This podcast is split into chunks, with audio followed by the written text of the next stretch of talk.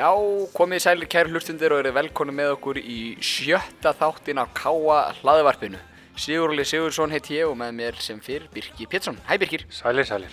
Og Gustaf Takkaborinu, glemum honum ekki. Alls ekki. E, eins og vænilega nógum að vera hjá Káa á flestum vígstöðvum. E, þátturinn í dag er stútfullur af skemmtilegu efni og þar byrjum kannski hæsta nefna e, Haldur Sigursson eða Donna sem ætlar að koma til okkar í spjall um Þór Káa og um hvenna fótbolta almennt. Hann mun örgla rýna í kalla fótboltan líka en það svo sem hérna... Leiðist ekki að tala? Nei, ekki með hvað Sandra, Marja og Ágústa sögðu um hann henni fyrri þáttum að, að þá hlakka ég mikið til að setja sniðið með hann. Þetta verður, spennandi. Það verður eflust, örgulega, ég ætla að setja peningu á þetta verður lengsti viðmali, hvað tíma séð. Já, það er aldrei að vita. Ég, það verður gaman að sjá.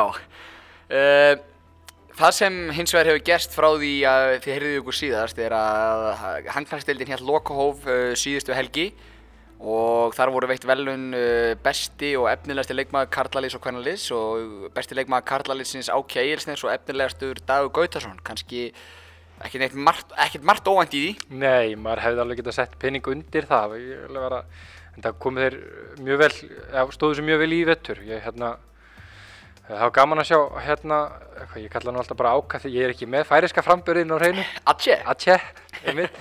og, og ég reynir það bara sama með dag. Ég, hérna, ég held að, að dagur muni eiga eitt af mómentum bara næstu ára þetta mark hérna gegn IPVAF bara í fyrsta leik sem að sem að mun held ég vera fast í minni hjá mörgum. Já, það er spurning hvort það verður gett að græja svona myndasirpu eins og að Guðjón var þegar hann skorur aukastum sem hangir ennþá inn uppi. Þetta var, sko ég sjálfur því miður var, ég var erlendist þessi leikur á til stað en ég hérna, var að horfa á leikinn þar sem ég var og sko öskrin hjá mér þau vöktu nánast hálft hóteli út á Tenerife þar sem ég var og ég hefði svo, það var, það var eina skipti mínar úti sem ég hugsaði nú hefði ég viljað vera heima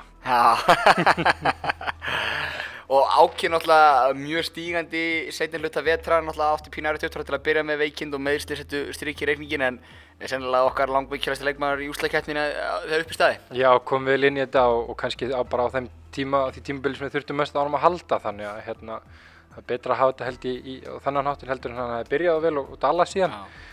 En ég er mjög spenntur að sjá hvernig hérna, mun pluma sig í, í Ólís Já, sammála því og það verður æri verkefni fyrir hann og, og, hérna, og liði allt í rauninni. Já, það verður, það er klart mála að við munum þurfa að, hérna, að setja svolítið í þetta og, og bæta í til þess að, hérna, að ná markmiðum okkar þar en, en, en liði fullt af, fullt af efnilegum strákum og hérna, eins og bara dagur síndi í, í, og ásand fleirum í vettur þannig að þetta verður Ég er orðin allavega mjög spenntur fyrir, fyrir ólísu vetri þó við skulum kannski bara byrja einu skrif einu og, og klára sumraðið. Já, engi spurning, en, en það er alltaf gott að hafa eitthvað til að hlakka til. Að sjálfsögðu og, og gaman að hlakka aftur til handbóltans þó að hérna, við erum alltaf verið með fleiri vetri íþróttir en, en eins og þetta var bara í vettur, það var alltaf eitthvað að gerast. Já, og, og það sem er kannski líka gaman að, kannski erfitt samt fyrir þjálfara og leikmenn og þá sem standa og stjórnur standa þessu vali besti leikmaður, að það getur ekki, kannski, ég held að það sé auðveldar að velja eftir tímanbíla sem þú nærði ekki markmennunum eða senast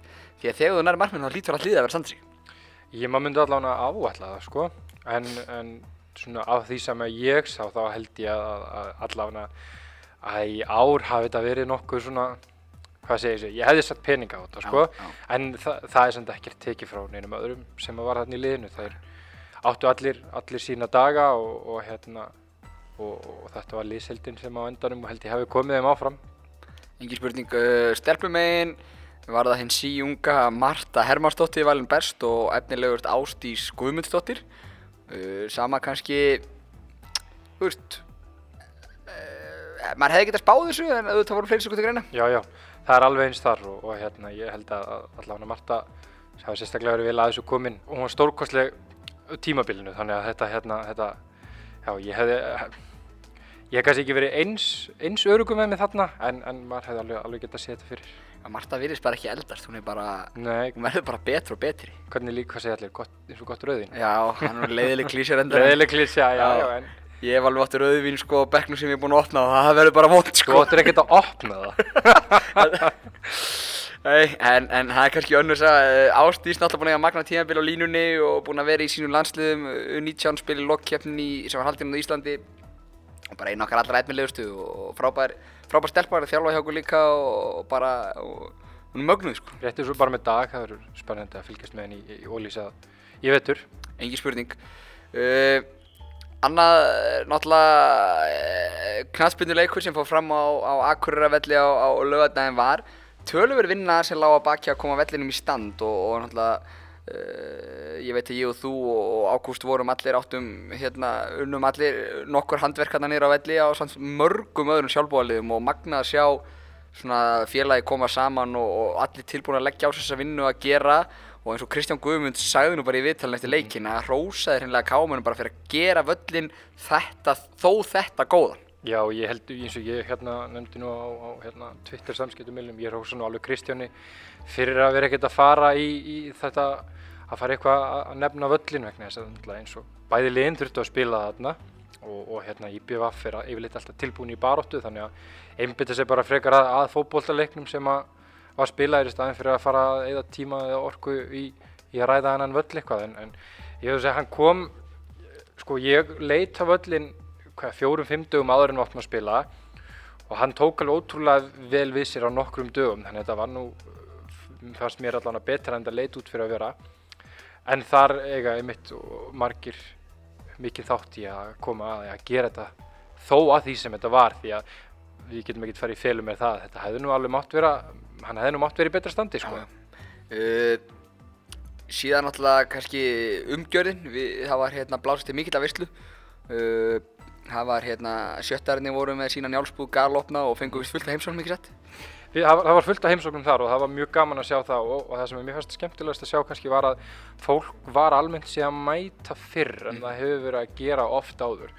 Og, og sem er eitthvað af því sem að við höfum, rættið um að við höfum vilja breyta, fá fólk fyrr á leikina, búa til meiri viðbörur úr þessu þannig að, og við fengum fullt, fullt af fólki til okkar þar og, og hérna höfum alveg heyrt að það ætla fleiri að mæta, mæta á næstu leiki þangað áður en að, áður en að hérna, leikur hefst.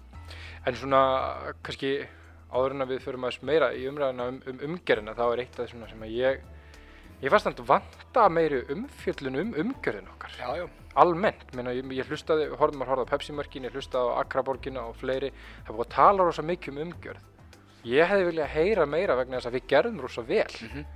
og ég hefði viljað sjá þessa aðla minna Akraborgin gaf rættu nú alltaf um leikinn, hann hafði nú alltaf tíma eða, e, just, í að, að ræða það og, saman alltaf með Pepsi-mörkin, það fór lítill tími en, en mér fannst vanta aðeins meira að peppa okkur, okkur káamennina þar. En, engin spurning og, og uh, ég veit að þessir gæjar sem standa náttúrulega um, að umfjölduninni, .net, uh, uh, Pepsi Mörkin, Akraborgin þetta, þeir náttúrulega leggja ómælda vinnu á sig að að fjalla um þessa íþrótt sem slíka en, en hins vegar þá gleymist akkurat stundum að, að, að, að hérna, veist, þetta er kannski ekki mest sexy leikurinn, þetta er ekki, þetta er engin risa lið og höfuborgarsvæðinu sem eru endilega að berja sem titla en það má sem ekki gleyma, veist, þetta eru það sem sjálfbóðarlega og þetta er það sem þeir sem er að starfi kringum þetta þrýfast á að fá um þessa jákvæðu umfjöllun um þegar hlutin eru vel gerðir, eftir tektina. Nákvæmlega og það er það á ekki skipta máli hvort þetta sé hlýðarendi eða, eða eitthvað annað þegar að svona hlutir eru vel gerðir þá á eiga félögin og það er óhugði hvort það sé káða eitthvað annað fyrst mér skilið að fá smá svona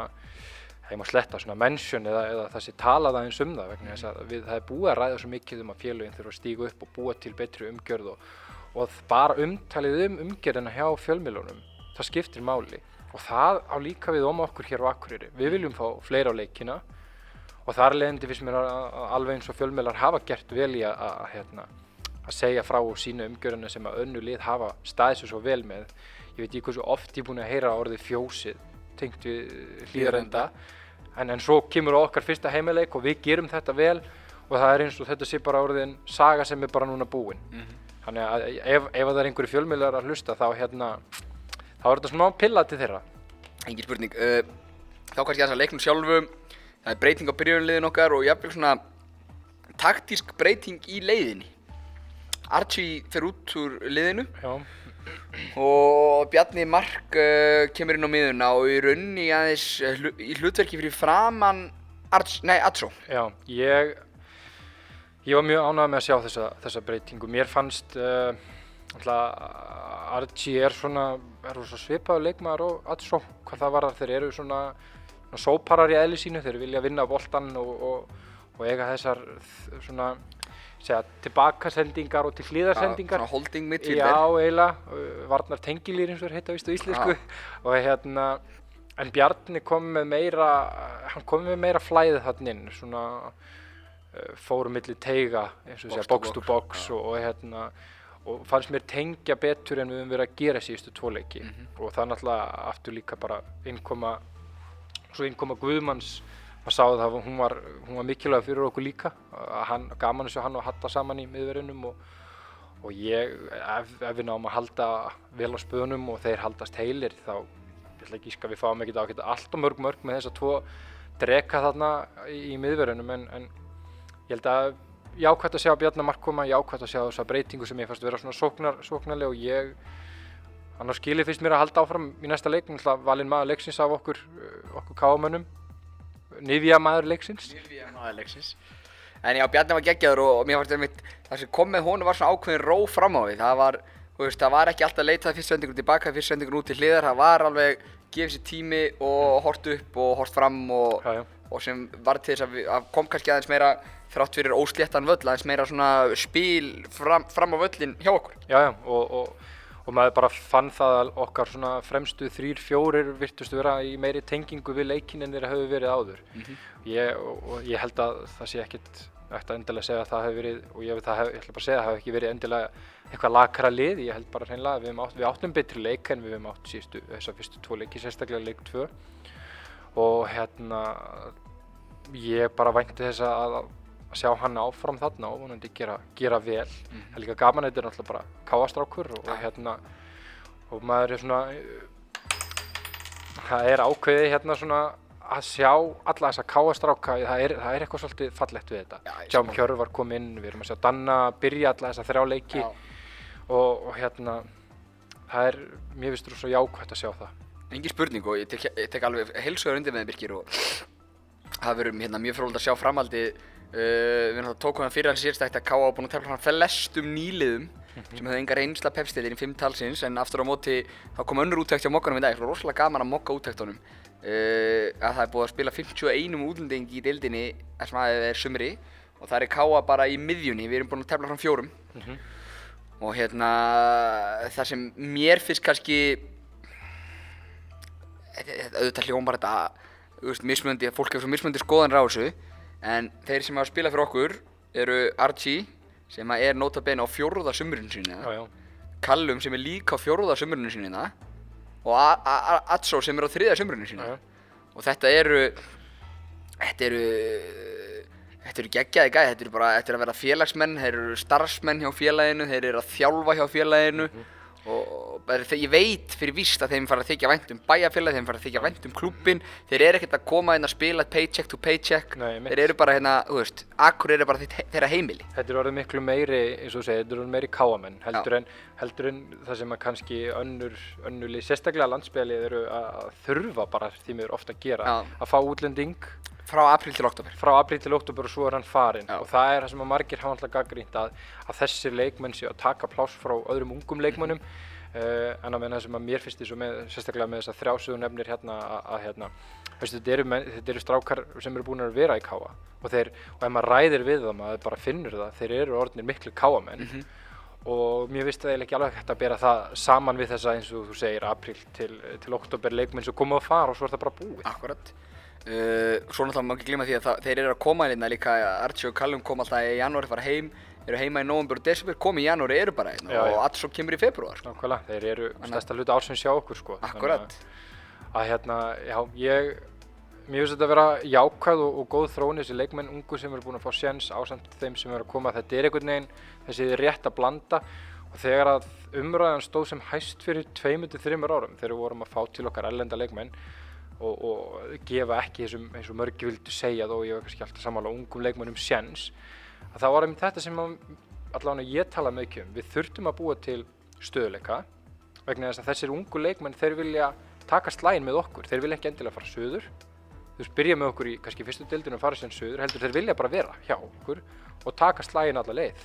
Og það var það sem við þurftum og nú erum við farin að skila þessum vonandi leikmennum og þeir halda áfram að fá sensin og gera vel vegna þess að þetta er dýrmætt og þetta er mikilvægt bara fyrir félagið. Engi spurning og svo má ekki gleyma því heldur í allri þessari umræðu að hjá Káa er núna til dæmis Ími Már Geirsson, hann spilar uh, 18-19 leiki fyrir Magna á síðast tíðanbili.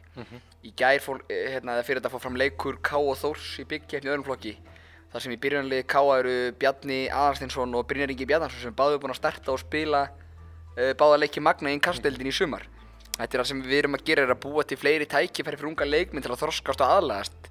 Uh, Danni er náttúrulega kemur beint inn í Káa-liðið en, en sumir taka eitt tíðanbíl, tvö tíðanbíl hjá Dalvík, hjá KF, hjá, hjá Magna í samstarfi við okkur til þess að, og, og, og, og þeir eru ennþá samt að æfa með okkar mestarlóki, þeir fóru, allir þessi stráka fóru í æfingarferðina með okkur, þú veist, þeir eru allir undir handleyslu túfa einhverju leiti já. og þetta á eftir að koma til í framtíðinu með að hjálpa okkur því að eins og, eins og tala um kannski Bjarni Aðarstinsson gæti orðið hörku spilari og ef hann fær 22 leiki með Magna í inkastdeildinu sumar, Gífulega mikilvæg reynsla. engin spurning bara, og, og fylgist spenntur með honum og, og hérna þetta er, er svolítið spurning um að halda haustnum núna bara rétt uh, skrúðum á já. því að hann fyrir oft lengra með þig heldur en, heldur en kannski akkurat knaspunnilega gæði í dag Mm. þú verður að fara með rétt hugafar og allt annað þannig að ég, maður er spenntur að horfa á þessa stráka í Magna því að þeir geta gert líka bara vel fyrir Magna ég vissum að, að þeir, ef að Magni heldur sér í deildinni þá eiga þeir stóra þátt í því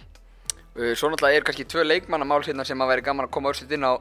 Annars vegar uh, Ívar Örn Árnarsson er komin heim úr skóla í Bandaríkjunum og hann náttúrulega kannski leikmann sem að við hefum klárlega getað nýtt hérna í fyrstu umfyrum með Milan Meiddan og, og svona bara rasa á Guðmar í banni og svona. Uh, Ívar kemur núna til landsins og komið til landsins og við lánum hann strax til Magna okkar samstarfsæðila, eða samstarfsliðs og vegna þess að þeir eru lendi í pínu vandræðum með rauðspjöld í síðasta leik. Aðeins. Þannig að það gæti haft þörfa einu varnamenni og svo náttúrulega bara frábært fyrir einmitt eins og Ívar að fá, hann kannski fær 2, 3, 4, 5, 6 leiki með Magna í Inkasso og svo er hann bara kallaður, kallaður tilbaka í og- eða, eða hvernig sem er og, og bara er Káa strákur í húð og hár sko. nákvæmlega. Hann- Gæti nýst okkur. Ég er bara gott fyrir hann að spila líka því að maður veit svo sem ekki hvað myndi vera að spila mikið hjá okkur, vonandi sem mest en, en hérna, þetta verður dýrmætt fyrir hann og vonandi fara að spila sem mest þar. Engin spurning. Næsti leikur Káa er í dag á móti FH í krikanum og, og hérna hveit séu náttúrulega alltaf Káa mér á Reykjavíkusvæðin til að koma og stiða liðið. Þetta er mikilvæg leikur og við, get, við syngdum það í fyrra og við getum alveg stríkt þessu FH-li. Já, já, og, og þeir hafa sínt það í ára, þeir eru, að þeir eru svona að fara, hvað segja, þetta er svona hyggstarpínu hjá þeim, þannig að það er, það er klárlega sjans að taka stig, vonandi þrjú, að, af þeim, því að þeir hafa alveg sínt að það eru, það eru veikleikar þarna og, og, og þeir munna vel eftir leiknum í fyrra það sem við tókum stig og, og, og ég er alveg sannfæður um að, að strákarnir, þeir fara með það huga, fara að sækja öll, en, en ef ekki þá vonandi eitt. Ég held að þessi leikur sem Túfa elskar að spila og, pæli því að, taktísku leikur FH er stertlið, Túfa gæti fyrir líka tilbaka Sækja rætt. Já, já, já, og hann, við munum nýta okkar styrkleika að fara hratt upp og, og, og verjast vel. Og hérna, og þryggja manna varnarlegana býður upp á það að fara svolítið bæði út á kantana og aðeins bakvið, þannig að hérna, að Það er bara áskeri til dæmis. Já, þetta, já, þetta er bæði það sem að Geiri og, Danni dyrka, Mhm. hlaupa þarna bakvið og, og, og að meina Elli djöblast í mönnum og, og heldur þeim busy, þannig að hérna, Sp- Spurning hvort að, eh, kemur kannski í ljós bara rétt á eftir hvort að Steinþór sé hópið ekki, hann er búinn að vera aðeins með liðinu þannig að það verður spurning hvort það sé hann dætt inn Já, hann mikilvægt að fá hann inn sem allar fyrst allavega, hann, hann hérna er, hann er alveg sínt það að hann, að hann getur gert mikinn usla og, og, og hérna, og við þurfum bara á breytinni að halda. Engi spurning. Donni fann að banka dyrna hjá okkur, hann ætlar að koma og spjalla við okkur. Uh, Í þettunum munum við heyra aðeins um félagsfundi sem fór, fram í gær og, og, og tala svolítið uh, duglega um hann og kynna hann. En Donni er kominn. Já, það sestur hjá okkur frábær gestur uh, Donni, þjálfarið Þór Káa, meistaraflokks. Veltu velkomin Donni. Þakka fyrir. uh, Við náttúrulega byrjum á því að, að ræða Pepsi-dild hverna og, og, og frábæra byrjun Þór Káa á mótinu. Hvernig, hvernig líður þér í dag eftir þrjá sigra og eitt mark á sig? Uh, Líðpínu illa, uh, við fengum á þetta helst eina mark á okkur. en hérna, við ætlum náttúrulega ekki að fá mark á okkur á þessu móti, en, en hérna, það, það er bara búið. Nei, við reynum að fá ekki annað á okkur. Nei, mér liður mjög vel. Ég, hérna, þetta var bara búið að vera frábærbyrjun. Stelpunar alveg standa sig virkilega vel og, og hérna, hafa farið eftir fyrirmælum og þá gerist bara góð hlutir.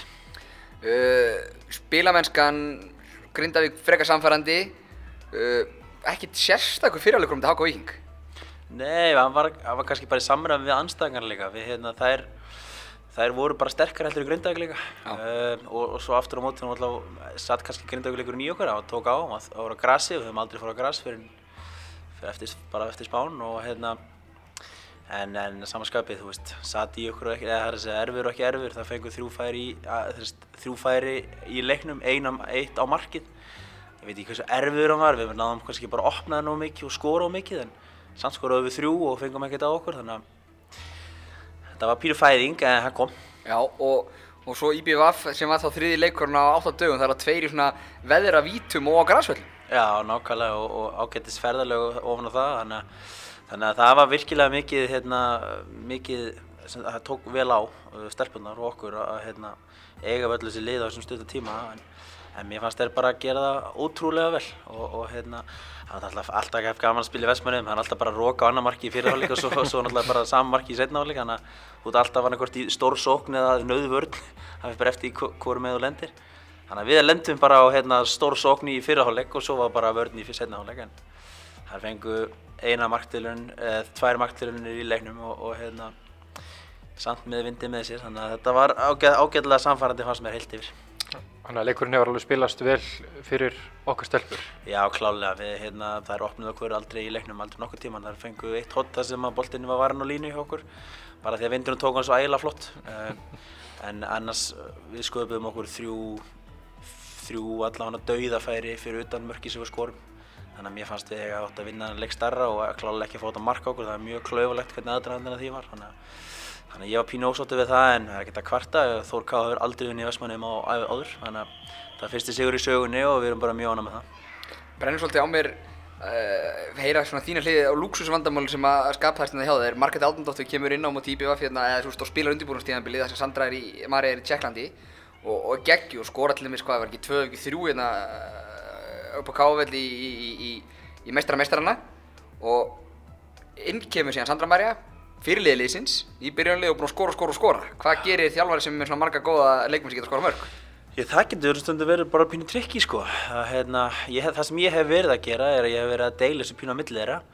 Sandra Marín náttúrulega er afgerandi góður framherri að mínu viti og hendur hún markaðist í leikum á deildinni og hún á að skora lágmarki 15 mörg að mínu viti. Uh, hafandi skoraði 18 mörg held ég þegar hún var 18 ára eða hvaða var hitt í yngri jafnvel. Þannig að mér finnst að hún á að setja stefn á það og við höfum rætt það og mér finnst að það ekki verið neitt lindamál, hún á bara að setja pressu og segja það. Uh, hinnar, svo náttúrulega Sandra Stefani þekki allir og svo náttúrulega hinnar tvær hafa pínu verið að berjast bara að mínu mati og, og, og hérna staðið sér bara báðar svona jafnvel á ykkur leiti, staðið sér bara báðar vel, Ön, önnur kannski ekkert endilega skara mikið meira fram úr en heldur en hinn, en, en hérna, en já, semst Hulda Óskar með svona pínu meiri reynslu og, og hún hefur aðra kosti heldur en Margrét en þær hafa verið að gera þetta bara mjög vel báðar. Mm -hmm. Svona, ég hef verið að skipta svolítið á millið þeirra og hérna, ef ekki segja að hérna, Hulda Ósk kom, komið með ákveðna þætti sem að Margrét síðan við erum upp á móti göllunum hennar í setni og svo framvegis. Þannig að ég mjög ánægð með það. Hlýtur að klæða svolítið í fingurnar að, að hérna, eftir eins og gengi hjá öðrum flokki fyrra að fá að, að, að dífa þeim aðeins ofin í laugina þó að þú sé kannski kastir þeim ekki alveg en að, að gefa þeim allavega smjörþefin og, og leifa þeim að kynast í Pepsi-deildinni betur. Já klálega og við hérna, það er kannski, kannski ekki alveg tími núna, við erum með hérna, náttúrulega hamrarnir eru það verkefni sko, það er stelpunar sem að slátruðu öðruflöki fyrra mm -hmm. og rauninni þar á undan ykkur hlutaðum að þær eru núna að spila í fyrsteld sem er frábæð vettfangur í þær. Eh, Marget spila alltaf 15 leiki í, í Pepsi-deildinni fyrra og, og stóð sér frábæðlega og Huldós spila alltaf komið sér öllum. Mm -hmm. Þannig að svo erum við bara með á bekknum eiginlega bara reynslubolta með sko. Við erum með eina mjög unga sem að hérna 2003 mótil, Marju og svo eru bara svona pínu, pínu reynslubolta með sko. En aðal pointi núna hjá okkur er að allar stelpundar fái mistarflokks reynslu mm -hmm. með hömrunum þar að segja. Það sem er ekki að spila með Þórkáa. Þannig að við erum raun að búa til, til framtíðar svona leikmenn og gefa með reynsluna þannig að þeir eru klárar þegar að spila með besta leið landsins. Já, nákvæmlega. Svolítið gaman að ég mitt að koma inn á þessar ungu stelpum, 2003 mótil, hún hérna Marja og uh, yngri flokkarstarfið, það er nefnilega búið að eflast náttúrulega hjá, hjá báðum félögum, sérstaklega hvernaminn, alveg gríðarlega undan þetta árum. Já, ég er sammálaði, já. Mér hefur fundist ótrúlega skemmtileg þróun, ég, ég fylgdist, fylgdist með klálega með öðru augunum svona þegar ég var, var hérna í, í kallabólta meginn að hérna og þá fannst mér vera mikil gróska og, og lið, stelpu liði sem er núna skipar aðalið Þór Káa, það eru náttúrulega bara stelpur sem kom upp úr þessu starfi mm. og voru svona brjótast í gegn þegar, þegar ég svo tók við, þá voru það búin að spila svona soldið, e, þó nokkuð bara. Og, og núna er ótrúlega skemmtilegt að fylgjast með hvað það eru margar. Ég hérna, var síðast bara í gæri og horfa á þriðaflokk hvenna þóra móti káa í Íslandsmótinu og ótrúlega skemmtilegt. Og þar getum við að peka út, ég gæti peka út allan á fjórar, jafnvel fimm sem ég geti segið fyrir mér að yrðu bara framtíða leikmenn eða heldur þetta á spöðunum sem er bara mjög gaman að sjá sko, svo hérna eins og við vitum að þá er náttúrulega flokkurnar okkar hreikalöflir og, og hérna og það er bara ótrúlega flott framtíð og mér finnst það að vera rosalega vel haldið utanum hvenna boltastarf í, í hérna á Akureyri rauninni bara yfir höfur höfuð og, og það eiga bara allir hóskil en svo kannski helst að líka pínu hendu við árangum mestarlósins ég held að skapi rosalega mikla svona umræðu og skemmtilegt andrúsloft stemningu í kringum hvennabolta þegar liðið á svæðinu er að standa sér vel. Ég held að gera það bara annars alltaf Þannig að ég vil meina það að, að það sem við höfum verið að gera þá er káa þar að segja gegnum árin svolítið og núna kannski á síðast ári og núna kannski hérna einhverju meira leiti að því við tókum til það. Það, það eigur bara svona, eigur stemningunni kringum þetta og stelpun að fá meiri metna og sjá það eitthvað að gerast og þú veist það er svona, ég held að hjálpa til. Þú fórst ekkert lengt með hérna kynningarkvöldi káa og ég vil í öðrum, öðrum viðtölum að þið setjið stefnun á fjóra titla, þið er búin að taka tvo og þá er Íslandsmótið og byggkærin eftir. Uh, síðan er það sjálfsögðu þessi, þessi Európukeppni sem að liðið er að fara í. Hvernig, hvernig uh, leggur þú hana upp fyrir stelpunum? Er þetta gullrót? Er þetta eitthvað sem við erum að fara í til að koma sem allra lengst? Eða er þetta, þú veist þess að ég sagði á hann, gullrót bara að fá að fara út og vera með? Nei, við ætlum að reyna að bæta með Íslands, það er að segja íslenska liða sem hafa farið í þetta mót. Teljum okkur vera með lið sem á að fara langt uh, í keppinu yfir langt meina ég þú veist allavega yfir 8. úrslit, ég er að segja yfir 16. úrslit, það væri alveg stórkostlegur ránangur ég held, að ekkert Íslandslið hafi komist lengur en 16. úrslit uh, og það má alveg lerta með að það er villist, ég hef bara nokkuð vissið það uh, og það er svona fyrsta merkmið er náttúrulega kláran að blessa riðil og íslenska lið gera það nú yfirleitt og þannig að við veitum ekkert mjög móti hverju við erum í riðli þannig að það er ofta að koma í ljós en hérna, svo er bara, þú veist, svo er bara fókbóltið svo skemmt lið það er bara fullt af möguleikum fyrir okkur. Við erum með útrúlega flott lið. Uh, bæðið vil skipa svona af einst að hæfileikum en svo að mestu leiti líka bara miklu leiti til útrúlega flotti karakter að samansett, vel samansett og, og vel skiplatt þannig að við eigum að geta unnið öllið uh, þú veist, á góðan degi, ótrúlega um degum ég eppel þannig að ég get ekki séð einn ástæði fyrir því. Við ættum ekki að stefna bara eins langt og hægt er og, og það er að vinna það er að vinna tjöfitt líst mér vel á þetta en, en við skulum ekki fara að varhuga að því að, að hérna uh, Pepsi-deild hverna fær sumstaðar sem betur verið ekki allstað minnu umfjöldar en Pepsi-deild kalla hvernig finnst þér, núna alltaf búin að vera bæði þjálfar í kallabólta og svo núna uh, í, kvernabólta á bestaliði landsins hvernig finnst þér að þú berð saman umgjörðun að þú berð saman umfjöllun og áhuga hvernig finnst þér þetta? Mér finnst, mér, æ, veistu, mér finnst eiginlega að vera stígandi í því. Mm -hmm. Ég er að vera sangjart sko. Mér, auðvitað finnst mér, að mér finnst auðvitað að eigi að vera pínu meira. Uh, Pepsi, Pepsi, sagði bara allir Pepsi mörk kalla versus Pepsi mörk kvenna. Mm -hmm. Alltaf heiminn og haf varandi hvað er sett í þessa þætti. Búst sér frá því hverju stjórnaði og komið finnst þú það og allt svoleiðis. Eh, það er bara ágætisfólk. En bara, það sést bara svona þar ákveðin umgerða brestur kannski. Mm. Uh, En mér finnst alltaf vera, fólk vera að reyna meira og, og hérna, kom alltaf hérna bylting hérna á sín tíma og fyrir stöttu og hérna fyrst fólk vera að leggja pínu meira á sig, mér finnst það, í að fjalla um hvenna fókbalta mm -hmm. versus kalla fókbalta.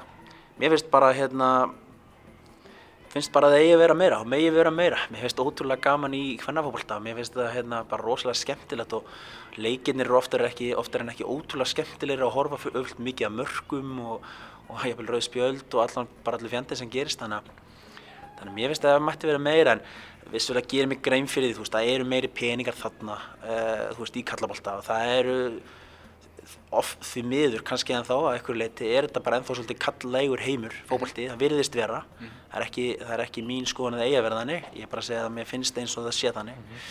uh, það sést bara á veist, hver, hvað, hvað margir að horfa á það er ofta en ekki kallmenn sem koma að horfa á hvað kallmenn spila hópult og svo framvegis og, og á, meðan þetta eru kannski ekki endilega sömu menn sem koma að horfa hvernig hópulta mm -hmm. það verðist bara að vera svona pínu meira eins og er að kallmenn hafi meira áhuga á þessu og, hérna, og þar leðandi þá kannski myndi ég halda blaðmenn og fleiri sem fjallum þetta ja, kannski notfæri sig það mark upp í, í hérna, ítundir efnið En þarf ekki líka bara að verða ákveðin hvað segja, það þurfa, þarf, þurfa ekki líka fleiri bara, sérst, fleiri kvennmenn, fleiri stelpur að stíga upp í umfjöllunni um þennan bolta líka. Ég er ekki að segja að, að það sé ástæðan fyrir því að, að það sé lítilu em, minni umfjöllun um kvennafóbolta en ég man einhvern tíman að það var umræð um það að, að, að það ættu líka einmitt að koma fleiri stelpur að umfjöllunum, að áhuganum þannig að það sé ekki bara hort á og bent heldur líka tökum meira þátt og, og finnst þér það ekki aðeins hafa samt aukist Menna, við erum með heilinu í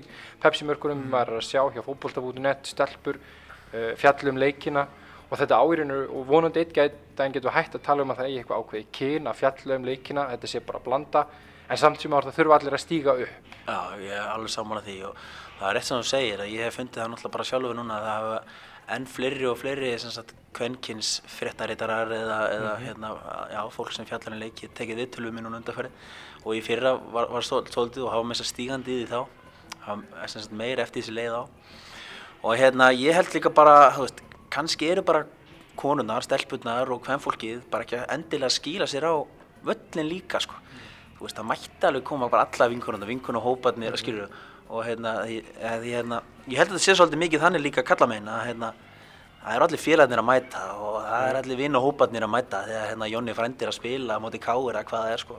Þá mætu við allir strákanir og eitthvað svona sko. Fá sér öllar og vera vittlusir og, og hérna þú veist bergi ykkur og eitthvað ég veit það ekki. Og hérna kannski þurfa bara líka stelpuna kannski bara að stíga meir upp í þessu. Þannig kemur aftur kannski bara áhuga kannski hafa bara á, ekki áhuga okkur hafa áhuga okkur öðru eða eitthvað þannig sko.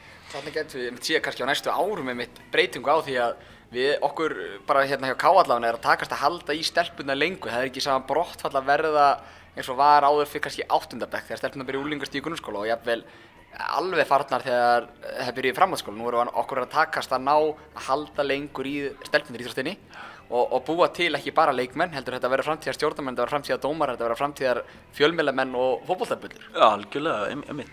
Við þurfum alltaf bara að fá, ég held að það sé fyrst í grunnun í þessu, við þurfum bara að fá, fá meira kvennfólk á völlin Já.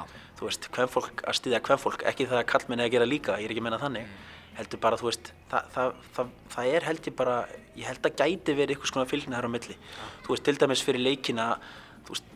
bjór og pulla, það kannski höfðu frekar til kallmanns heldur til hvernmanns myndi held að en þá myndum hérna Justin Bieber hérna fyrir leikin þá myndi öruglega alla hvernmann maður hefði fyrir mig sko eða hvað það er skilur, það getur verið, ég kann ekki alveg veit í hvað og hvernig er en það getur, getur verið eitthvað svona pæling skilur, kannski getur við búið til viðsfélagin, eitthvað svona umgjörð til þess að hvetja meira hvernfólk til að mæta sko. Mm -hmm. en ég vil náttúrulega kalla að mæta líka, þið fari hvað, veit hvað er með að fara. Já, já, já. Góð punktur. Mjög góð punktur. En hvernig finnst þér þá bara um, við tölum nú bara eins um byrjun á tímabilinu og, og mætinguna hér og áhugan hér. Nú, nú var ekkert nú var svolítið mikið fjallaðum og, og bara okkur uh, félagunum bæði Káa og Þór hrósað fyrir umgjörun á mætingu síðasta sumar. Sumir segja að það hafi verið út af, út af hvernig gekk en, en ég vil nú meina að það sé nú ekki bara það sko. En hvernig finnst þér þetta að fara á stað núna? Stórkosla, ég er ótrúlega montin að hérna, stuðnisfólki Þórká ótrúlega montin að fólkin okkar. Ég er svona svakalega hærður einhvern veginn þegar, hérna, þegar lið koma á öllun okkar og, við sjáum á stúkan er ekki tóm. Mm -hmm. þú veist, því fer, við fyrir að spila stjórnuvelli fyrra tviðsásunum, það er að sem byggarnum á deildinni.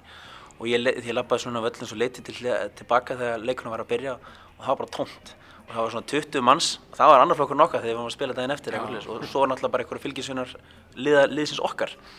Þannig að mér fannst það sorglegt en, hérna, en að samanskapi ótrúlega stoltur af stuðnum okkar. Og enda fengum við náttúrulega tvenn velun og náttúrulega fyrir hluta og svo bara stuðnismenn ásins og hérna og svo náttúrulega bara sína töluna núna í byrjun móts eða svo nefnir að við náttúrulega búum með einn heimaleg og það var það voru flestir og okkar leik í þeirri umferð sko. Ja. þannig að hérna þannig að og mér finnst umfjöldinu á Akkur er stórkostleg. Mér finnst hérna fólk veit hver ég er út á götu sko því ég er þjálfur að þórká okay. og litli krakkarnir ég, ég farin að helsa bara öllum að því ég held bara að þið veit aldrei hver ég er sko. Af því að ég held að sé bara því umfjöldinu er þannig og hérna þú veist og það er ekki bara því ég sé svo aðeinslegur heldur bara umfyllunum liðið er bara mikil að, hérna, að við erum eiginlega allstað fyrst mér. Og mér finnst það bara alveg frábært og eiginlega, svo, svo, mér finnst það pínu verðskulda en mér finnst það bara geggjað. Já, ég, ég er alveg samanlægt, mér finnst það alveg geggjað og ég held að að ég mitt Þór Ká í fyrrasumar og svo Ká og Þór í vettur í handbóltum, þetta hafi einhvern veginn orðið svona einhvern veginn, það er sem allir gátu fyllt sér á og þetta var svona veist, það var geggja cool að halda og styðja þessi lið og mæta á völlinu þessu liðum. Og það er það ennþá og það bara vonandi heldur áfram og ég held að þetta einmitt haldið sér pínu, pínu við eins og Sandra Marja segði okkur í síðasta þætti, sko, það er, Ísland er óbúslega framalega í einmitt þessu, þú veist, eh, má, gera betur en Ísland er óbúslega framalega. Já, ég held að Sandra ætti nú að þekkja hans hafandi spilandi ellendis og svo framvegð sko og maður nú síðan alltaf umgjörðin ellendis þá er ég að meina kannski bara í svona efstöldum í, í kvennahópalda að það er ekkert svaklega mikið meira fólki að mæta þar með við höðatölu og svo framvegð sko Akkurat. við erum jafnvel eins og, eins og hún að lýsa við erum klálega mjög framalega held ég sko Já. Og líka bara í umfjöldum um kvennahópalda og þú ferð á vefsíður hjá ítlensku seríu aðliðum í kvennahópalda það er bara svona þú veist svo Björn Bóndi hefði búið til í gær sko. það er pínu þannig sko þannig, þannig að ég held að við séum mjög framalega með þetta allt saman En uh, færum okkur yfir í annað, þú varst uh, að fá nýja markmann. Já, það var mjög, mjög spennandi, ég held ég er spenntur á því bara að sjá, sjá hana í aksjón. Já, það er Uh, við fyrir, hérna- fyrir hlustundur sem kannski ekki hafa heyrt á, sérst, uh, skrifað Þór Káa undir samning við, náðum ekki nafninu Jóhanna. Jó- Jóhanna. Jóhanna, já. já. Það er ekki meira framöndið það. Nei, og hún er sænsk og hún er að koma hérna á samning fram að félagskiptaglugga sem opnar aftur í júli. Þannig að stuttur samningur en, en, en svo segir í fréttinni að, möguleika á framlengingu ef að vel gengur. Hva, hvað getur þú sagt okkur um hana?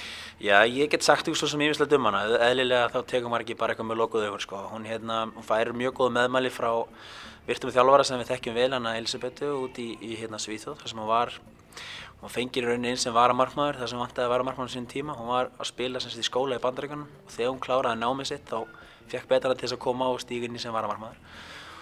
og eftir það hjálpaði Bettinni svo að hérna, fara til Kýpur þar sem hún spilaði með mjög góð norstýr var byggamestari og, og hérna, þar sem hún gerði geðumunin í þeim leik og, og svo er hún bara raunni eftir það að koma hinga uh, þetta er leikmann sem að hérna, hefur getið af sér mjög gott orð sem, sem karakter.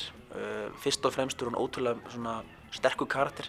Tala mikið, gjama mikið og mjög jákvæð brósmild og, og hjálpar sínum leikmönnum mjög mikið. Það er svona feedbacki sem við fengið sko varandi karakterinn. Hún er mjög snögg, alveg liftursnögg og hún er ekkert sérlega hávaksin en bætið þau upp með stökkkraft og, og svoleiðis og, og mjög snörp svona út á línunni og þannig og, og svo er hún mjög kvík, hún er einn og einn, er hennar besti eiginleiki, hún er sterkust einn og einn, semst einn á móti manni.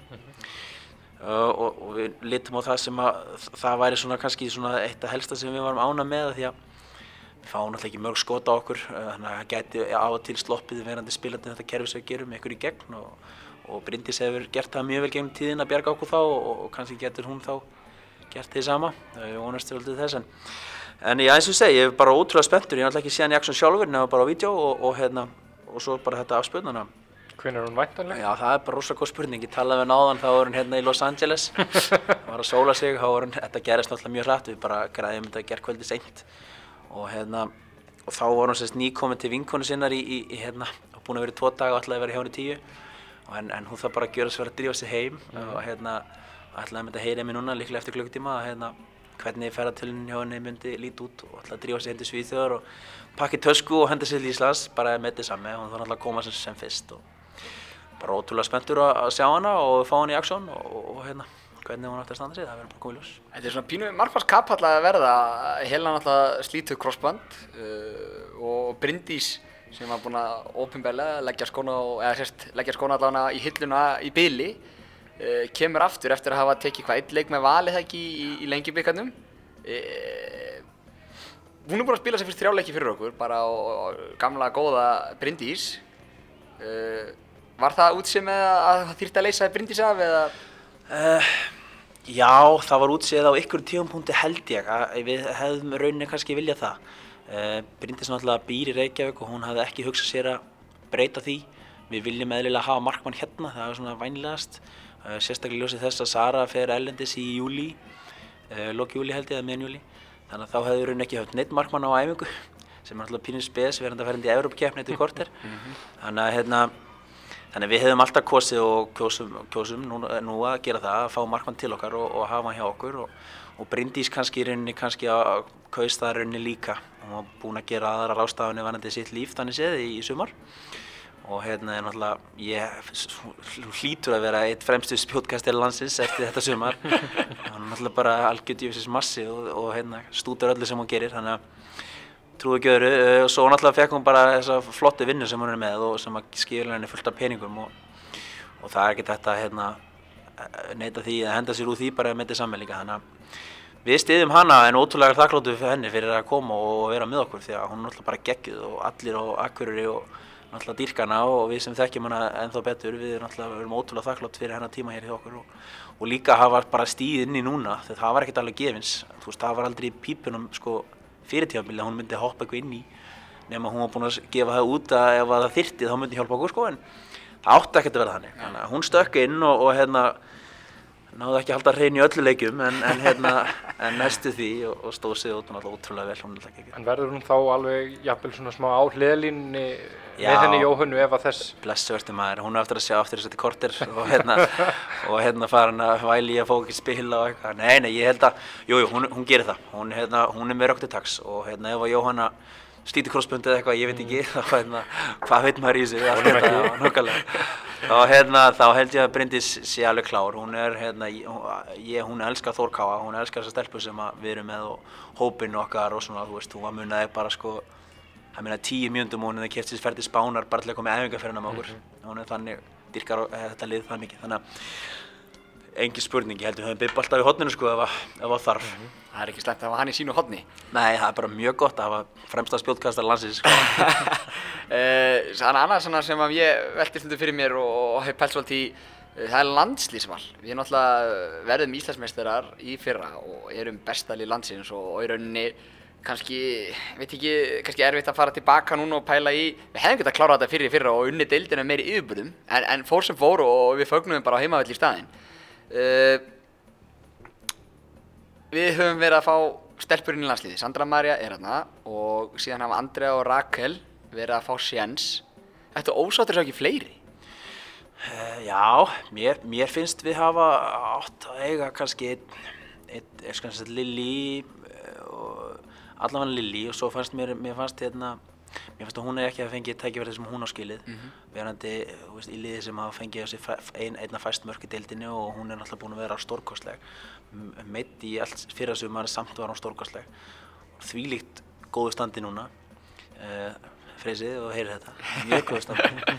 Og hérna, en hérna, já, og svo hefði mér fundist að hérna, hún höldi óskafa að það var tækifæri á til. uh, sérstaklega kannski núna þegar hann tók núna í daginn þá var, var leikmaður valinn og val sem að mér fannst ekki vera að hafa eins gott tíðanbíl og, og hulda. Og ég rætti það svo sem alveg við þjálfurinn, það er ekki það. Og hann kom með sín rauk á móti sem ég var ekki sammála en hérna en hérna, jú, mér fundist að við hefum átt kannski aðeins meiri tækifæri skilið en samanskapið má kannski ekki gleyma því og við, semst okkar fólk og við meðum ekki gleyma því að, að þær eru náttúrulega, semst þær voru að spila með við 19 Já. sko, þú veist, við átt, þær voru með gott verkefni þar. Já. í fyrra þar að segja, Rakel og Andrea voru að spila með 19 Það hefur kannski verið óþarf að taka þér Já, ég, úr því þær fyrir að vera eitthvað varaskefur í... Já, akkurat, Þa, það, þær voru bara í góðum verkefni þar. Hulda Björg var að spila með þá með 17 og núna þau er 19 og Magga kom við sögu í landsleikjum líka þannig að það er, ekki eins og við höfum átt enga landsleismenn við áttum alveg stelpur í fullt og bara öllum landslegunum eiginlega. Já. uh, og kannski finnst mér núna ég er spenntur að sjá hvað gerist núna næst í næstu hópum. Núna náttúrulega eru þeir í mér í keppni mér undarkeppni og sjáum hvort það gerist eitthvað núna en mér finnst það líklega að kannski í næstu hópum þar að segja eftir þessa keppni þá verða valdi fleiri uh, frá okkur sko sem er líklegt. Það er bara besta mál. Uh, vendum okkur hvæðið aðeins í kross, Donnið, þú ert búin að hérna, gefa okkur grænt á það að spyrja aðeins út í Karlaboltan líka. Og, og þá náttúrulega ka- kannski aðalega yfir, yfir í Pepsi Karla, hún svo deild farin á stað eins og Pepsi Kvenna og, og, og þrjárum fyrir búna þar eins og Pepsi Kvenna. Uh, fylgist þið eitthvað með? Já, ég fylgist rosalega vel með það ekki? Jú, klálega Hvernig finnst þið þá gul, gul og bláa liðið að brekkunni vera að fara á stað? Veistu, mér líst bara nokkuð vel á byrjununa, þú veist, mér fannst, hérna, þú veist, það er búið að spila tvo leiki, útileiki fyrir ekki tvo útileiki og einn heimaleg og, og herra segja fyrir, fyrir utan byggarinn, byggarinn alltaf kláraðist mjög flott. Uh, mér finnst ekkert, ekkert aðtöfavert endilega við stigasöfnuna þannig séð. Uh, mér finnst frábært að liðið hafa náð að klára heimalegin, mér finnst það mjög mikilvægt og, og halda hreinu sem ég veit að Túfa hafi alveg verið frábært lánað með. Uh, og, og hérna, það var alltaf vitað að það erði mjög erfitt að spila á móti fjölni og, og hérna, fylki, bara því lík stemningslið og, og svona fyrst, fyr- fyrsta tífambil hjá fjöl, fylki er að segja nýliðar aftur. Eh, kom upp og það er svona alltaf drullu stemning hjá nýliðum. Þannig að það var alltaf að vera erfið leikir báðu tveir. Jafntefli móti fjölni og þeirra heima allir bara fín úrslit og vinna það svo heima í setni þá var allir glæðar fjóðust á móti fjölni. Þannig að, þannig að hérna bara ótrúlega spennandi einhvern veginn og ég, sérstaklega nú næstu umferði vera mjög spennandi. Það sem að hérna, Keflæk og, og hérna, Víkingur heimaðalli það er að segja síðan einn af næstu fjóruleikim sem er náttúrulega ótrúlega mikilvægi leikir að klára. FH og Káur úti getur verið svona örlítið meira trikki en væri frábært að ná jættibli þar og eða náttúrulega eðlilega eitthvað meira en, en hérna, það, ég, held að, ég held að Káa ætti að einbytta sér sérstaklega að klára heimaleikina, uh, vinna heimaleikina uh, og hérna, hinga til hefur það tekist þessi meina. Þessi deild fer Þannig- svolítið, undarlega af stað, finnst þér ekki? Hún er að fara þannig að það er einhvern veginn öll lið, kannski akkurat fyrir utan blikan eins og staðan er núna, að sína svona smá veist, merki að, að, að það geta verið allir unnið alla, það tekið stiga öllum, fylgismenn koma óvand tilbaka mútið völsurum og, og FA átti bara í miklu brasi með fjölni og, og svo sem ekki endilega vissum þeir hafi endilega átt öll þrjú stígin skilið allan að mín skoðun, þannig að þessi deild er að fara svolítið, hún er ekki að fara af stað eins og kannski margir áttu vona á. Nei, kannski ekki, ég hérna, að, ja, kannski ekki, ég veit það ekki, ég hérna, s- svo er bara, má ekki gleyma því að þú veist, það er náttúrulega bara þrjána fyrir búnar og, og hérna, við hérna, töffararnir sem erum að rýna í þetta, við hérna, þetta er alltaf svona í byrjun, veist, það er ekki þessi stingur eftir þrjára fyrir, það hérna, svo, svo, svo skýrist þetta bara svona þegar líður aðeins á, þetta er bara óskup, það er óskup eðlug stígandi mínu viti, liðið sem að eiga ekki að vinna innan svega þau vinna alltaf ykkur að leiki og allir bara what the fuck, hvað er að gerast þetta og hérna, svo þú veist þegar líður á þá fer þetta að stígast í sundur og, og hérna og þá fyrir við að sjá kannski betri línur í þessu. En ég er sammála, ég hérna það eru lið sem ég bjóst ekki við að vera eins góðu eru, ef svo má segja. Það er öll er góð uh, sem er að stríða liðum sem eiga að vera betri, ef svo má segja aftur meina, það er mjög skemmtilegt svo líka að horfa samt á stjórnumennina, þrýr heimaleikir í tvö stíg, ég held að fáir hafa nú átt vona á Já. slíkri stegastöfnun í Garðabænum. Klálega og hérna, og hérna lið sem er að standa undir væntingum og lið sem er að fram á væntingum ykkurja og ykkur sem er að ekki að standa undir væntingum. Já. Þetta er bara mjög skemmtilegt, Pepsi-deild er náttúrulega ógeðslega skemmtileg deild og það, sagði ég hérna á kynni einhverjum K á þessum tíma, auðvitað K bara stefna að vinna alla leiki því það er alltaf hægt. alltaf Það geta allir unna alla leiki og ég held að við höfum séð það bara í fyrstu leikjunum í Pepsi núna, það geta allir unna alla og auðvitað getur K að þau unna alla þar að leiðindi. Auðvitað gerir maður fyrir fullkvæm grein fyrir því að það er ógeðst erfitt og svo er bara meðist helmingurinn og svo kingsa markmaður í boltan og hversir einhver höfuð í og fær sex spóra meðan hinn skora tvö og maður veit ekki sko, veist, það getur allt gerst. En, en það er allt til að hérna, stefna á að stefna hátt og stefna á að vinna næsta leik og því káa og augljóslega öll hinn liðin virðast geta það. Já. Næsti leikur Þór Káa, ammælistæði minn 23. mæ Stórkastlegt. Við bara hreinlega þrjú stig í ammæliski Hvernig ætlar að fara að vinna að Káir? Já, það verður ekkert auðvelt, nei, ef ekkert erfitt segi það verður, það verður, við erum miklu betur lið en, nei, við hérna, það verður bara spennandi leikur. Ká er hérna, er, er búin að bæta vissi leikmönnum, það mistur þetta Katrín úr núna eftir síðasta leik og kannski verður hún, verður hún eitthvað frá, tók hún í lærun og ofta einhver tími. En við erum eftir að sjá, svo að þeir eftir að spila við IBF á middiltíðinni, í middiltíðinni, sem er enda frábært fyrir okkur þegar IBF spila svið sams, sams konar kerfi við, þannig að við sjáum hvernig það berðast við því kerfi. Uh, við ætlum bara að spila okkar leik, við, hérna, við höfum gert það bara í öllu leikið sem við spila, bara einbytt okkur okkar leik og vissulega tökum við út alla kosti hins liðsins og, og hérna, eigðum þeim ef við getum og, hérna, og, og svo bara vinnum við okkar styrkleikum og, og berjum á þeirra veikleikum eins og fótbolti er, þetta er náttúrulega bara góðum eins og því ég var á að fótbolti er bara eins og stríð þú veist, þú vegur að metu kosti hérna, anstæðingsins og svo bara, svo dreipur kostina og, og hérna og hérna Sækir á veikleikana? sækir á veikleikana og, og hérna og nota náttúrulega þína kanunir fallbjössukuðlunar í það sem þú þarft að gera þar og, og svo framvegis sko þannig að við vitum nákvæmlega hvað við gerum móti KR og KR veit nákvæmlega hvað ætlum er að gera móti þeim en svo er bara spurning hvort þeim takist að verjast á móti Hvernig er það? Hversu mikið vinna liggur á bak við eitt svona leik? Ég, ég, ég heyra að þú greinilega pælir bæði náttúrulega eins og allir pæli í sínu liði, hvernig ætlar að undirbúa það og stór hluta því er náttúrulega að horfa á anstæðingi. Hversu mikil tími fer hjá þér í það er ómældu tími ég, hérna, ég held að ég, segi eitt um hann hérna, ég, úst, ég, segi bara því ég er döður og hérna það fer ómældu tími þjálfarans þjálfarans sem að gera þetta eins og ég ég veit ekki hvort allir gera það. Að hérna í það sem ég geri ég hérna ég stútir náttúrulega 2-3 leiki hjá anstæðingunum alltaf. Ég reyna að finna endalstað ykkur ég reyna að finna ykkur að veikleika hjá hinnum og, og hérna eh, skoðum styrkleikana hjá þeim og svo framvegs uh, svo náttúrulega fer rosalega mikil vinna eðlilega í okkar lið. Það er að undirbúa bæði æfingar, það er að segja hvað á að gera í næsta leik og hvað fór úrskist í síðasta leik. Við ætlum að hann alltaf líka í, í, í ræmur, það er að segja framistuður leikmanna og svo framvegs. Þó og svo komið alltaf nýja leikur og nýtt tæki fyrir allt svona þess. Svo þarf að vera í sambandi við sjúkraþjálfara og það þarf að heyra í stjórnarmönnum og svo þarf að senda leikmenn og svo þarf að mæta í hérna podcast og þetta er ómæld vinna en hérna, jú, það fer, ég myndi, ég, ef ég ætti að skjóta klukkutíma bara til að vera ógæslega skemmtlur, þá myndi ég giska að ég myndi eða svona 25, 6, 7 klukkutímum í leik. Ég myndi skjóta það. Það er ekkert annað. Það er slatti. Það er bara tæp, tæp heil vinnuvika fyrir hvern leik. Það er gott eins og núna, tíu dagar á milli. Akkurat, akkurat, það er alveg góð tími, ég hérna, en það er gott að maður ekki tíma kaup oft. Já, þannig að líka hlustandi geti átt að sjá því að þú spilaði þrjáleiki á 8 dögum og þau eru 26 til 8 tími í hvern leik þá getur ekki hafa svo mikið þess að Nei, 8 þú daga. sér það, ég er vallavakandi.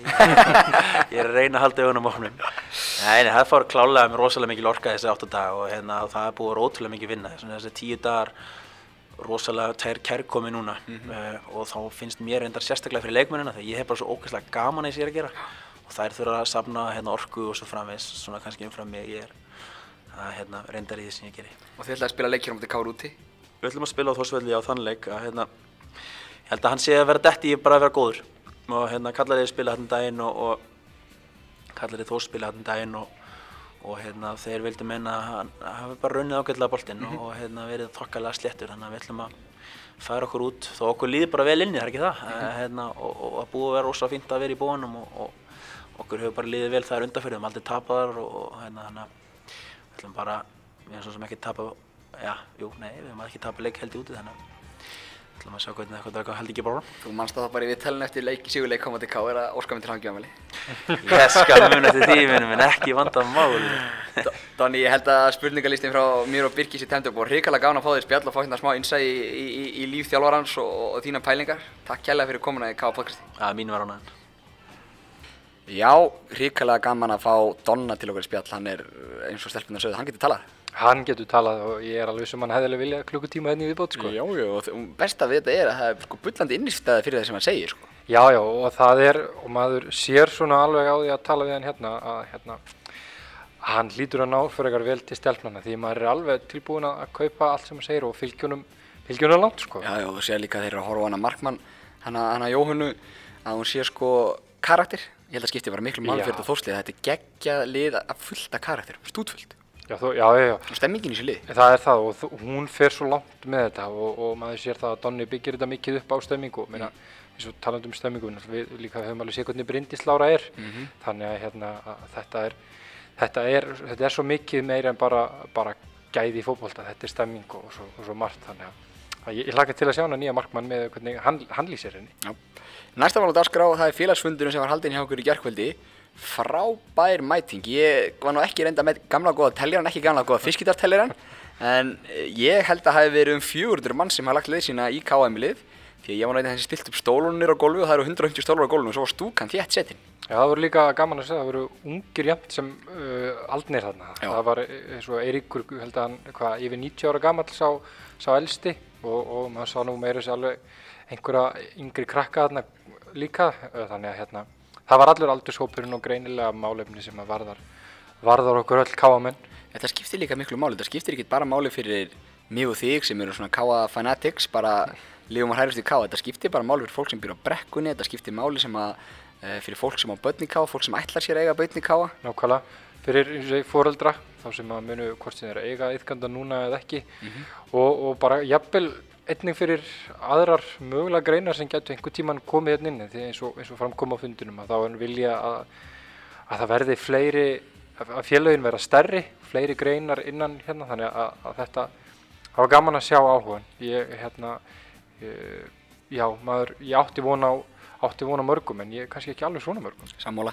Og, og fyrir svona þá sem mista af fundunum eða vilja svona af fundunum alltaf að renna snögt yfir að fundunum var þrískiptur í rauninni uh, fjórskiptur jáfnvel uh, það var Ingvar Már Gíslason formaða Káa sem byrjaði að fara yfir rekstrar umhverfi Káa og hvernig komið fyrir því í dag. Og það sem var svona rauði þráðurinn í hans tali var uh, að samningu Káa við Akurabæ sem sér um rekstur mannvirkja og, og, og, og rekstur skrifstofur sem eins og Ingvar kom oft inn og var mjög þakkláttu fyrir.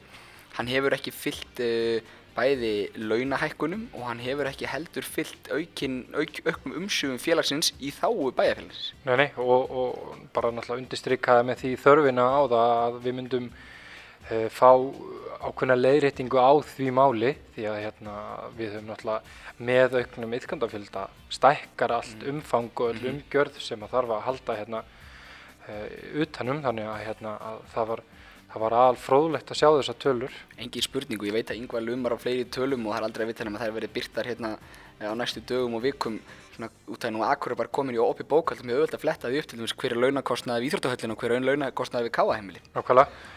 Bara hvet fólk til þess að bæði kíkja á það og endilega ég er nú alveg vissum að þessar, þessar tölur verða ofinberaðar einhver staðar á, á veraldarvefnum á, á næstunni og, og fyrir þá sem að, að einhverjum ástæðum komist ekki fundin að, að skoða þetta því þetta var, þetta var merkilegt og mjög fróðlegt að sjá og, og þarft fyrir bæði okkur, okkur sem að koma félaginu. Og held ég bara líka þá þá pólitíkusa sem eru að fara að taka við hér keflinu eftir, eftir kostningar.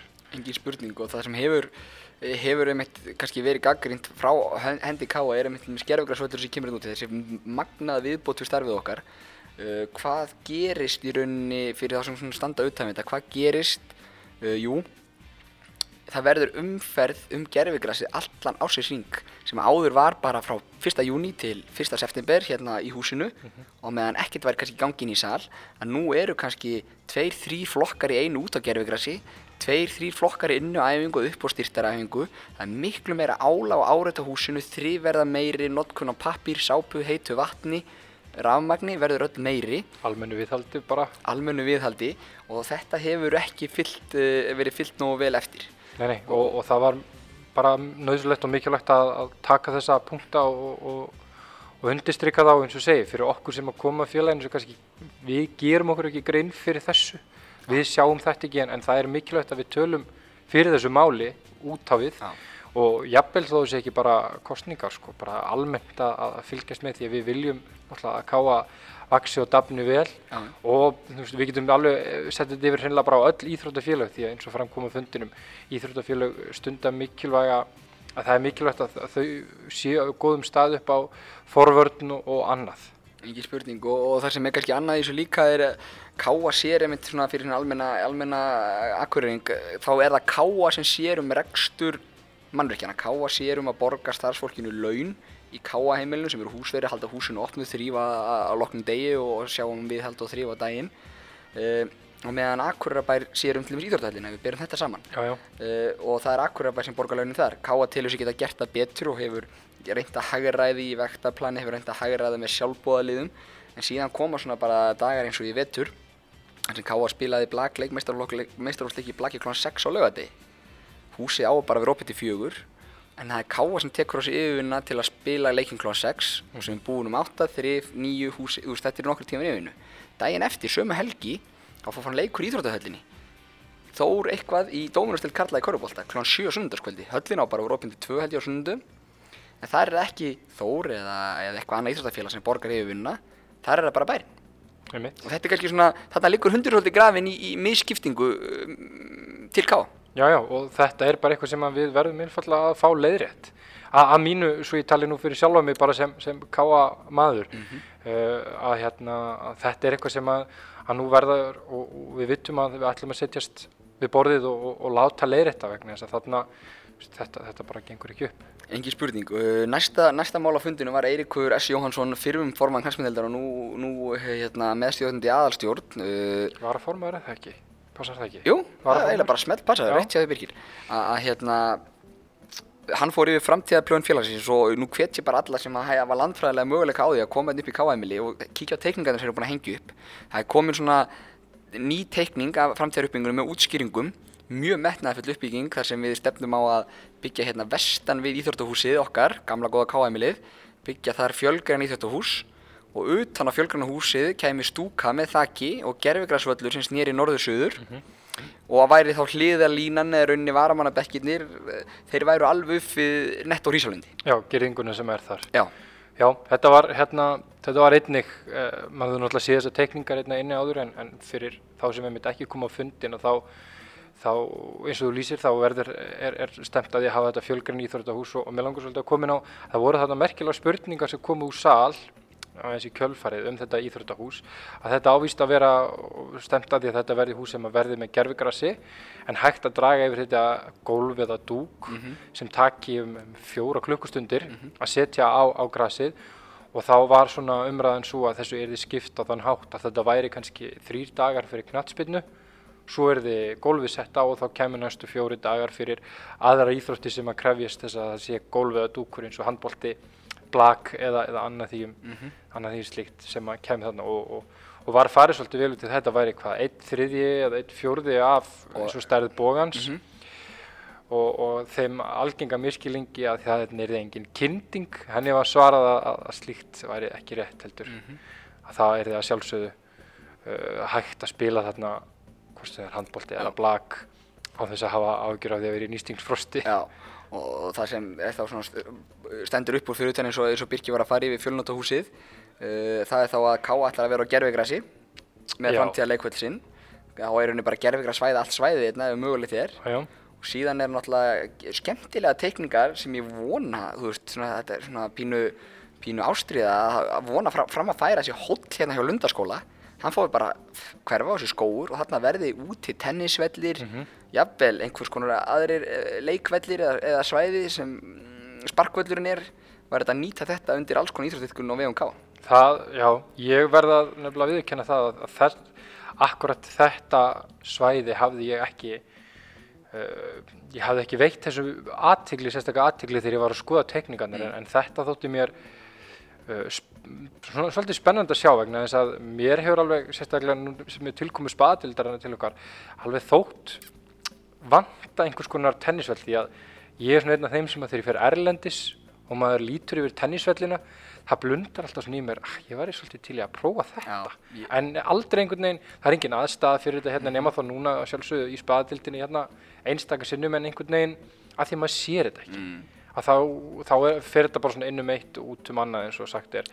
En ég held að þetta, bara það að þetta sé sýnilegt fyrir, fyrir fram að fólk að, að þessu verður að það geti eitt og sér aukið áhugan á, á, á tennis hérna á, á Akureyri? Og klárlega tekið möguleika fyrir bara annarkvort tennis eða spaðadildin eða aðstjórna að sjá um, sjá um þessa velli. En alltaf mikilvægt að þetta standi ekki bara og grotni niður. Já, já, heldur að ká að sjá um utanumhaldi á svona völlum eh, varðandi vir- hérna gerfugrassið sem er á þessu eða dúkurinn sem er á þessu Mhm. og svo netinn.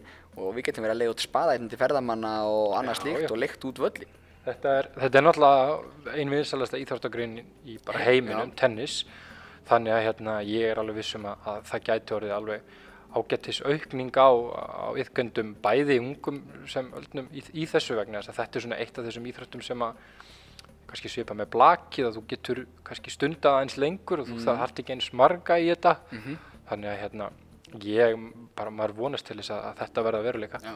og síðast en ekki síst er þetta nýja innan gæsalappa félagsheimili þessi félagsaðstæða sem er talað um að byggja hérna norðan við utan á íþróttahúsin, fjölgreina og þetta gamla hérna sem við eigum sem er því svona ekkert ósvipað svona ég sé fyrir mér eh, eins og aðstæða KSI ef við lögatarsvöllin Já, Þetta er á tveim þreim hæðum, þarna eru fundarsalir, þarna er kaffihús eða, eða, eða einhvers veitingasala, þarna væri júdó aðstæða, þarna væri búningsklefar og salerni, skrifstofur og, og gríðilega þarft því að, að við erum núna ansi margir hérna hjá Káa sem að deilum skrifstofur rými sem er hreinlega bara sprungið sko. já, já.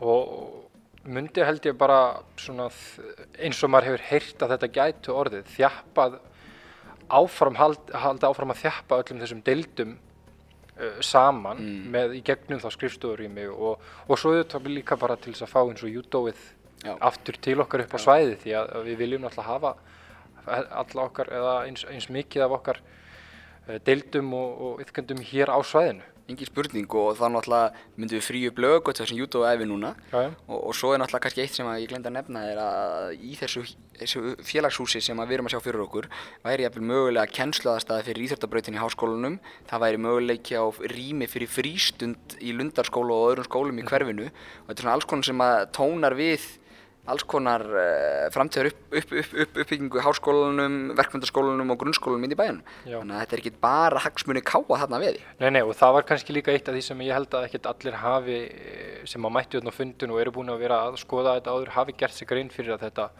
þetta tegir ánga sína leng, lengra heldur en bara Já. okkar íþróttagreinar hérna vegna þess að þetta er uh, fyrir mér er þetta að fara að líti út svona meira bara eins og miðstöð íþróttaiðkunar. Fyrir svo margt Mhm. og, og, og það eitt og sér hljóma rosa vel í mín eyru Ég- hja- Hjartanlega sammála. ekki bara, ekki bara endilega fyrir æfingar á þeim greinum sem við erum heldur bara segi, að horfa bara á íþróttaiðkun í heilsinni fyrir bæinn og, og, og ég ég segi, hafði ekki alveg gert mig grein fyrir þessu en þetta, þetta hljóma rosalega vel og, og, og ég er og ég held að þetta eitt og sér hljóti að gera það verkum að, að pólitíkusar og þeir sem er að fara að taka við svona horfa á þetta aðeins öðru sér augum eða þeir, þeir verða að gera það. Já, það sammála. Uh, Loks var síðan frambúðunum sjö sem er í frambúð til sveiturstofna kostninga Akureyri uh, búið að koma inn pontu og, og svara spurningu sem Káas var búin að senda fyrir fram á þau um hvað þyrti til að framkvæmdi getur hafist við þetta á Káasæðinu 2019 og hvort að sá flokku myndi styðja. Og mér varst það allir frekar jákvæðin, náttúrulega reynda voru bara sex frambúð sem kom á tölu, þannig að þetta er fulltrúa pírutum. Einmitt. Já, svona eins og kannski við, að, mér, að ég allan átti vona að við var búist að það voru allir, allir mjög jákvæðir gagvart þessu. Ég tek svona uh, svolítið undir orð Eiríks á fundinu þar sem hann sagði að, að veist, það var auðvitað mjög jákvætt að heyra að það voru allir jákvæðir og, og, og, og það virðast allir öll, öll frambóðin styðja það að hér verði að eiga sér stað uppbygging. En maður bara vonar að, að það geti svolítið farið að, af stað við þurfum ekki að fara að sjá þetta fara í gegnum ómikla nefndarvinnu eða eitthvað svoleiðis þannig að hérna Málið tefjist einhver staðar. já, maður er að sjálfsögðu bara eins og, eins og hlutir eru það vill oft gerast en á sama tíma og ég segi það að þá vona ég samt að þessu verði þó, þó gefinn sá tími að við skoðum málið og, og gerum þetta vel svo ofta sagt í upphafinn skal endin skoða uh, þannig að þetta verði gert á sem skynnsamasta hátt því að uh, eins og líka framkom og Eiríkur sagði þetta eru vissulega peningarnir okkar Já. sem munu fara í þessa fjárfestingu og, og hérna ekki það að maður að tími þeim ekki því að það er þetta er örgulegin besta fjárfesting sem við getum gert að mínumati Já. en, en ég vil bara að því minni fjösi þarf að fara í það að gera einhverjar eitthvað, eitthvað, eitthvað leiðréttingar eftir á eða eitthvað svolítið vegna þess að það fara og geist í þetta maður vil koma í veg fyrir það þannig að gera þetta vel en á sama tíma að hefja þetta sem allra fyrst. Akkurat. Og, og, og, og svo fundinu lokað á nokkur spurningum úr sal, það var svona bara fínar og góða gildar spurningar, þú er búin alltaf að koma inn á þessa spurningu sem að branna á tveimur hættum um notkunnagild í fjölunótahúsins sem að ég held að, Sævar og Yngvar og Eiríkur hafi svarað vel um að, að að auðvitað vera þetta fjölunótahús, þetta, við erum búin að kynna okkur uh, hús, sambarlega hús á Norðurlöndunum, Noregi sérstaklega, bæði upp á hversu langa tíma tekur að skipta um gólfið og kyndingu og annað slíkt, þannig að ég held að menn þurfa ekki að hafa allt of miklar áhyggjur. Uh, uh, svo loks var hérna var Eiríkur og, og Yngvar sem slittu fundinum með, eins og hérna bara með góðum orðum og, og tölfur hugur í fólki hérna þegar það labbaði í burti. Já, maður, maður fann það þegar maður, og náttúrulega eins og gerist þegar maður hittir svona marga kámenn, maður stoppar og tekur í hendina á einum, tveimur, ef ekki þremur og, og, og það var svona lítlar umræður um þetta bara og það voru einhvern veginn allir sammála um það að, að það, það er einhver, það er, það er mikil orka og mikil, svona jákvæð orka sem að var í kringum þetta og þetta var þarfur og góður fundur. Mm og maður vonar að þessu verði fyllt eftir bara og, og, og við höldum áfram að tala fyrir okkar máli. Engin spurning, þá kannski segjum við, skilið við þessa umræðu um, um, um félagsfundin sem að var eins og, eins og við erum búin að koma inn á mjög merkilegur og skemmtilegur. Uh, Nótum tækifæri í restina hérna til að minna á næstu leiki eins og komið fram í spjallinu við Donna spila Þór Káa við KR 23. mæ. Uh, Káa spila tvo heimaleiki, nei tvo leiki áður en næsta podcast kemur. Við spilum við við spilum FA í kvöld. FO í kvöld á, í já. og, og svo Keflavík á mánudaginn á heimavelli Já, annar í kvítasunni. klugan 6, topp leiktími. Hann er komið klokkan 6. Ég held það. Hann, ok, við hérna, Ég ætla hann samt bara, þú Við getur nú- nú bara, ég ætla nú ekki að hérna lofa upp í ermina með Birkir, hvort það sé 6 eða annar tími, en við spilum allavega með Keflavík og við erum mjög gaman að fá nýleðana í Keflavík sem að hafa farið svona brösulega á stað í heimsókn á káallin.